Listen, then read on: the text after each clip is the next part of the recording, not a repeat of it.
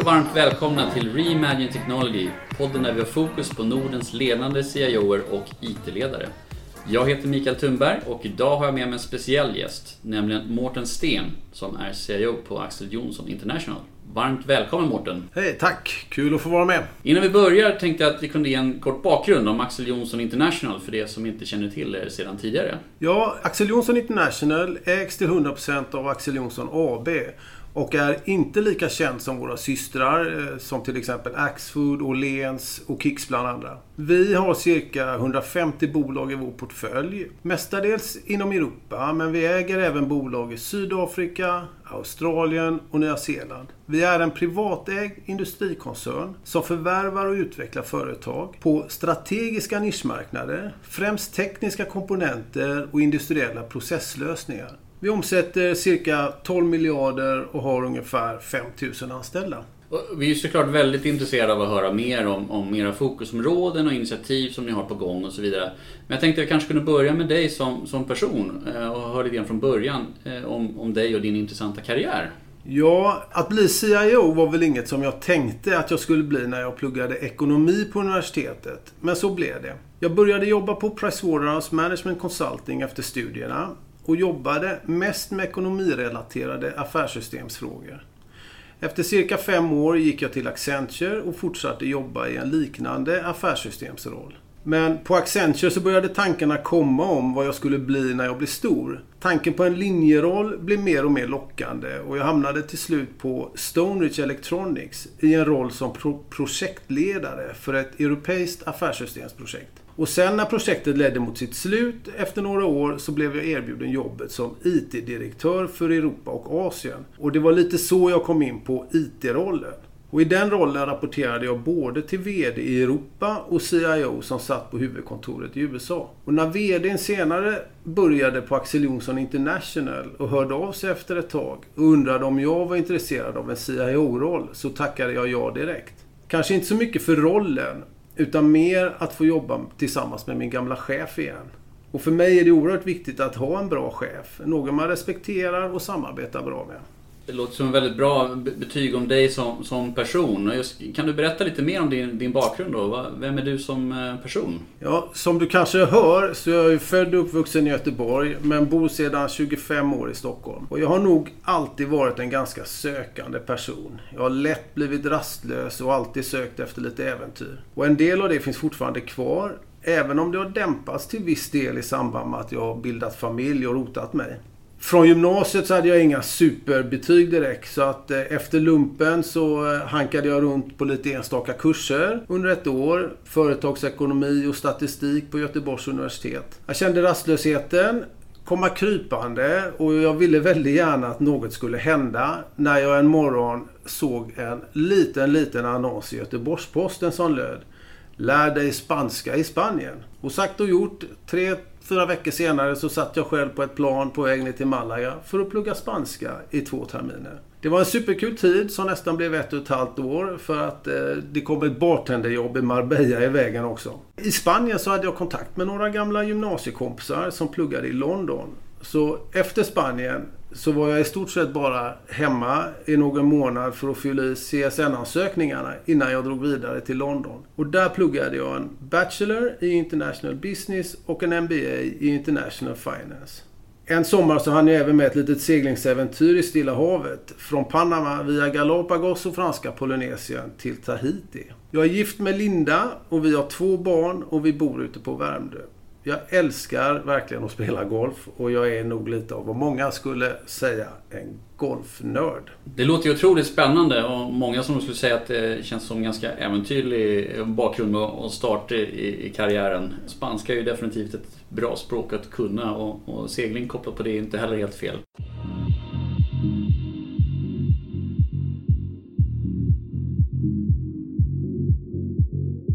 Vad skulle du säga är några av dina drivkrafter? Ja, jag drivs nog mycket av att göra ett bra jobb helt enkelt. Att leverera med kvalitet, det jag åtagit mig att göra. Jag gillar inte heller att lämna saker åt slumpen, varför jag ofta planerar ordentligt. Och det gäller både privat och i jobbet. Du har jobbat på många intressanta och spännande bolag eh, sedan tidigare. Kan du berätta några av dem och, lite reflektioner därifrån? Ja, Price, Pricewaterhouse och Accenture det är ju klassiska konsultbolag och det kanske inte är så mycket spännande att berätta om, om dessa. Men, men det var ändå en väldigt lärorik tid med varierande uppdrag inom olika branscher. Stoneridge Electronics är en underleverantör till den kommersiella fordonsindustrin där man för kundens räkning utvecklar och producerar produkter med högt elektronikinnehåll. Till exempel hela instrumentpaneler till lastbilar. När du tittar tillbaks på, på din karriär, och vilka större vägval har du haft och hur har du resonerat inför dem? Den frågan har jag faktiskt funderat över i ganska många år. Och eh, jag har, jag har nog aldrig haft någon speciell karriärplan. Och med tanke på min studieinriktning så fanns inte riktigt CIO på kartan. Jag har nog alltid tänkt att om jag gör ett bra jobb och jobbar med, med och för dem som jag gillar så kommer det att lösa sig. Och tittar jag tillbaka på livet så har det också gjort det, vilket jag är väldigt tacksam över. Så några större vägval vill jag inte tro att jag har gjort i alla fall. Snarare sagt ja oftare till erbjudanden än jag tackat nej. Min nuvarande chef och jag har snart jobbat ihop i 20 år ett väldigt gott betyg för honom, men lite för mig också vill jag gärna tro. Det skulle jag definitivt hålla med om. Det, det är nog eh, få som, som eh, har en så pass långtgående relation med sin, sin chef. Och eh, det är nog en, en väldigt viktig faktor för de flesta, om inte alla. Har du några egenskaper som du skulle vilja lyfta fram som en bra chef bör ha? Ja, jag låter ju gärna andra bedöma mina ledaregenskaper än att recensera dem själv. Men jag har märkt att i en multikulturell organisation med personal från olika länder med olika erfarenheter så är det viktigt att vara lyhörd och kunna känna efter vilken typ av ledarskap en viss person behöver. För mig har det nog alltid varit så att jag leder på ett sätt som jag själv vill bli ledd. Vilket innebär mycket eget ansvar, att informera vad man tänker göra och varför istället för att invänta order. Jag har märkt att detta fungerar bättre i kulturer som är mindre hierarkiska varför det är viktigt att ha örat närmare rälsen och kommunicera mycket mer i kulturer som är mer hierarkiska. Men givetvis är detta också väldigt personberoende och även beroende på roll och senioritet. Att vara självgående och inte vilja bli detaljstyrd är egenskaper vi tittar på hos dem vi rekryterar för vissa roller.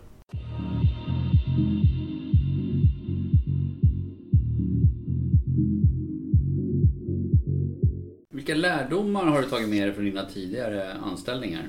Från konsulttiden är det nog att väldigt många konsulter saknar erfarenheter från verkligheten.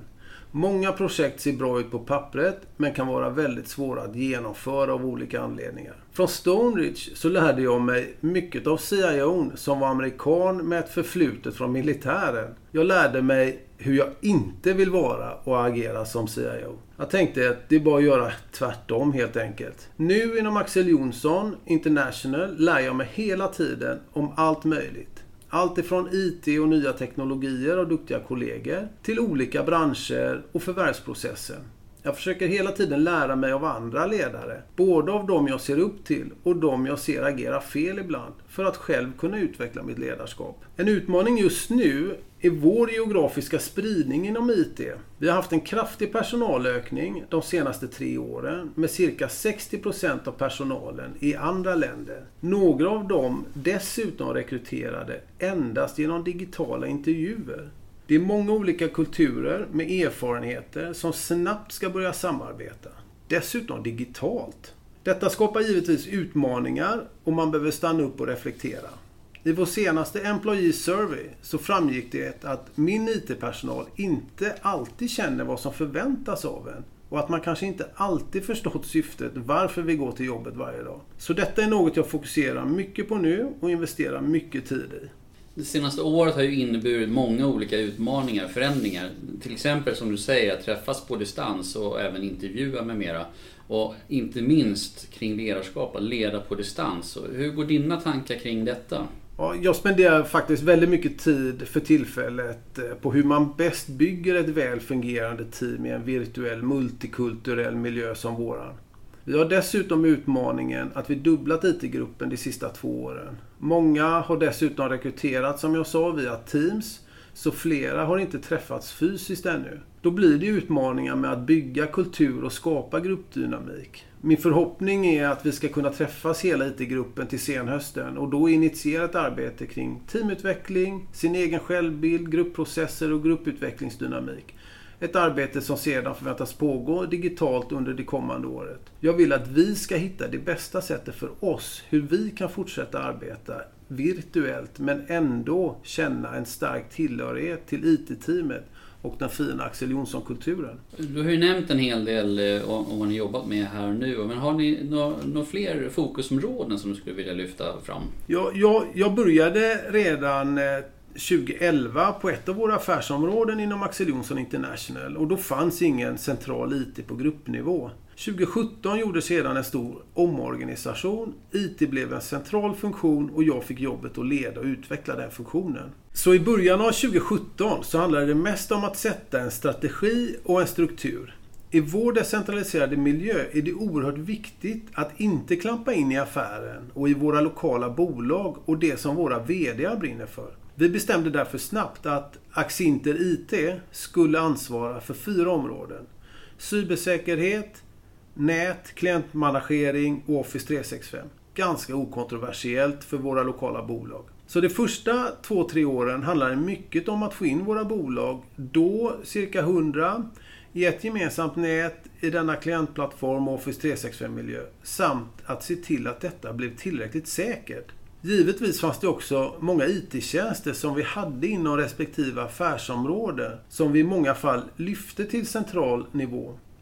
Allt ifrån något så enkelt som ett managerat wifi till en mer avancerad data warehouse och BI-tjänst. Dessa extra tjänster som vi erbjuder står våra bolag fritt att välja från Axinter IT eller köpa lokalt på stan.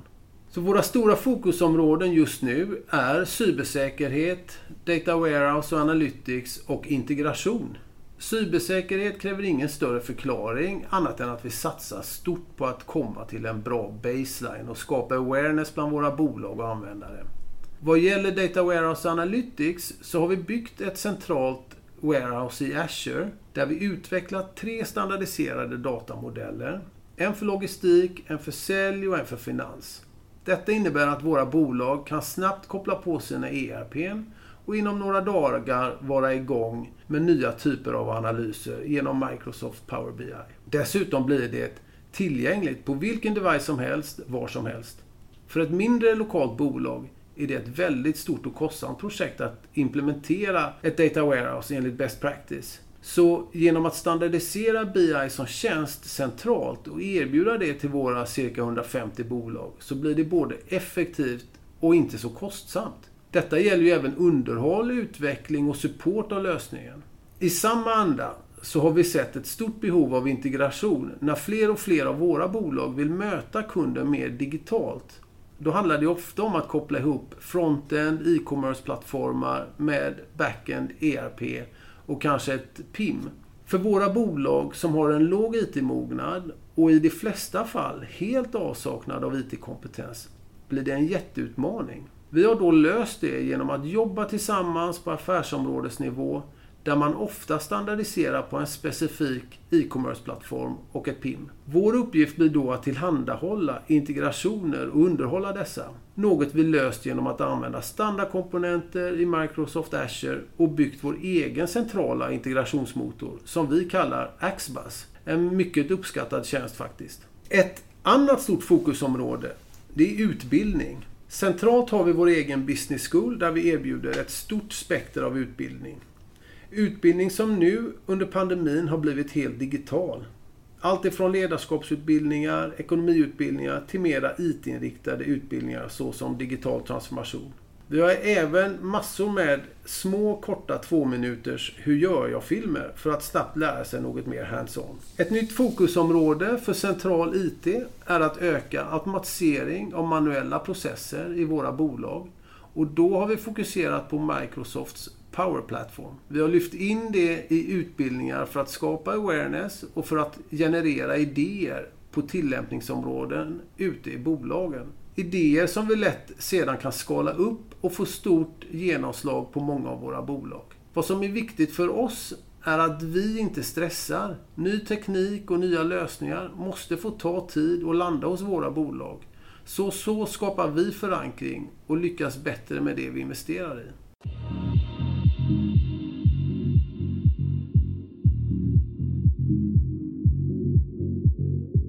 En annan intressant satsning som tagit fart under pandemin är våran IT-hub i Barcelona som komplement till Stockholm. På IT har vi varit vana att jobba digitalt med varandra då många sitter utspridda på olika lokalkontor ute i Europa. När alla gick hem under pandemin och jobbet fortsatte som vanligt så började jag ifrågasätta om plats verkligen var viktig vid nyrekrytering. Jag tycker att Stockholm som bas för IT-rekrytering har blivit jobbig. Ont om kompetens samt att löneläget har sprungit iväg alldeles för fort på ett osunt sätt. Detta tror jag kan skada kulturen då lojaliteten minskar och benägenheten att hoppa runt ökar. I Spanien och i Barcelona i vårt fall finns det välutbildade människor samtidigt som arbetslösheten är stor. Ungdomsarbetslösheten är uppemot 35 procent. Och jag har märkt att det går fort att hitta bra kompetens och internationella arbetsgivare är mycket populära. Samt att löneläget ligger kanske 30-40% lägre.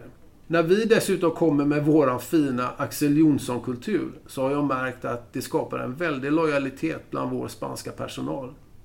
Detta skapar också möjligheter att på ett bättre sätt ta hand om och behålla den befintliga personalen i Stockholm. Och jag tror att det finns stor risk att i pandemins spår kommer vi se en utflyttning av jobb från Stockholm till mindre orter i Sverige, men också en flytt utomlands. Hur stöttar ni de bolag som ni har i er portfölj? Eh, lite grann kring processer och ett arbetssätt.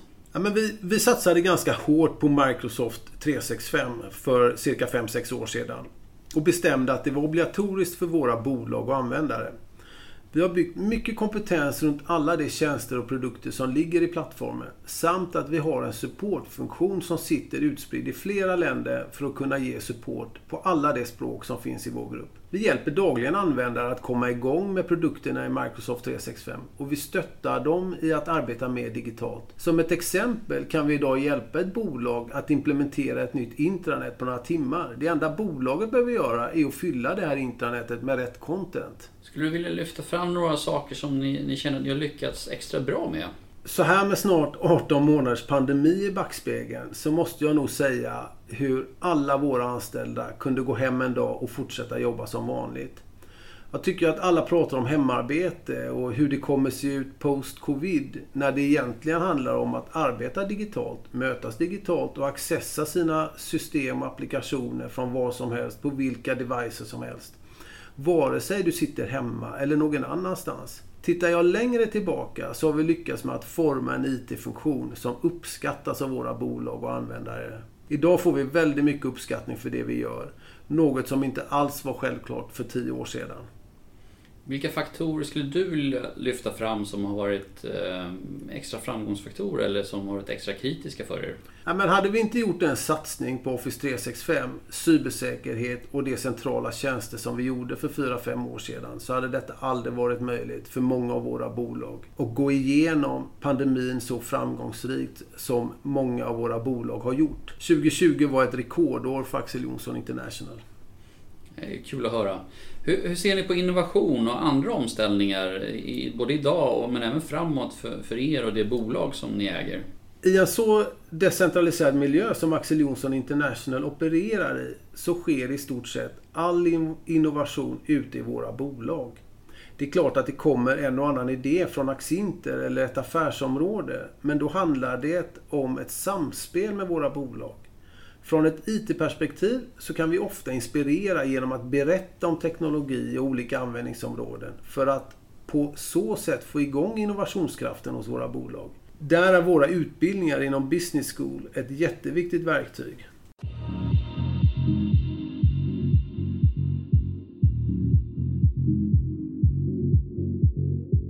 Hur skulle du vilja säga att Axel Jonsson International är som, som arbetsgivare?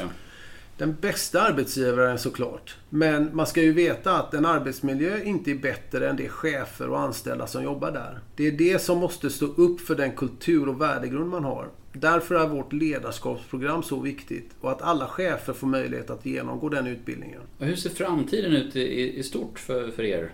Ja, efter att ha jobbat här i över 10 år så skulle jag, om jag hade fått möjlighet, satsa alla mina pensionspengar i Axel Johnson International. Jag tror att vi har en ljus framtid. Vi är i relativt okomplicerade branscher som är lätta att förstå. Så länge det byggs behöver kranar flytta material. Vi kan serva dessa och sälja nya stållinor. Mat, dryck och andra vätskor kommer alltid behöva, behövas pumpas och processas. Och vi har de bästa lösningarna för det. Våra bolag servar stora gruvmaskiner och olika typer av transmissioner. Gods ska fraktas och våra produkter hjälper till med det på ett säkert sätt. Som du hör så tror jag det kommer finnas ett stort behov av alla dessa produkter och tjänster i en överskådlig framtid. Många av våra bolags konkurrenter har inte samma förutsättningar att satsa på samma sätt som vi kan och gör. Varför många väljer att sälja sina bolag till oss. De ser helt enkelt en bättre framtid för sina bolag i en gemensam miljö såsom vår än att stå ensam med allt vad det innebär. Det låter som en väldigt ljus framtid med, med många positiva aspekter. Det är jätteroligt att höra. Finns det några tips och idéer som du skulle vilja dela mer av till andra CIOer och, och IT-ledare? Ja, goda råd till andra CIOer vet jag inte om jag ska dela ut. Men vi är ju många med olika förutsättningar. Men jag hoppas att jag i denna intervju kan inspirera någon till något. Jag känner dock ibland att eh, många ledare och så kallade IT-kunniga lägger större vikt i att kunna slänga sig med det senaste IT-buzzworden. För att verka kunniga och visionära istället för att försöka vara tydliga. Det kan vara så enkelt som att säga automatisera istället för att digitalisera. Tala om saker för vad det är istället för att röra till det och göra de man talar med osäkra om de förstår eller inte. Ibland känns det som att alla helt plötsligt de sista två, tre åren ska börja digitalisera sina verksamheter. När det i själva verket är något som vi inom IT har jobbat med hela tiden. Att med ny teknik inom olika områden och processer jobba smartare, säkrare och mer effektivt. Väldigt kloka tankar och ord. Tack Mårten, det var väldigt spännande och intressant att höra dig och, och prata lite grann om både din bakgrund och din, din roll som sådant.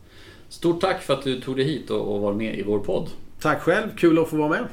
Det här var det senaste avsnittet av Reimagine Technology, podden som produceras av Sofigate. Jag heter Mikael Thunberg och jag hoppas ha med er även vid nästa podd. Stort tack för er tid.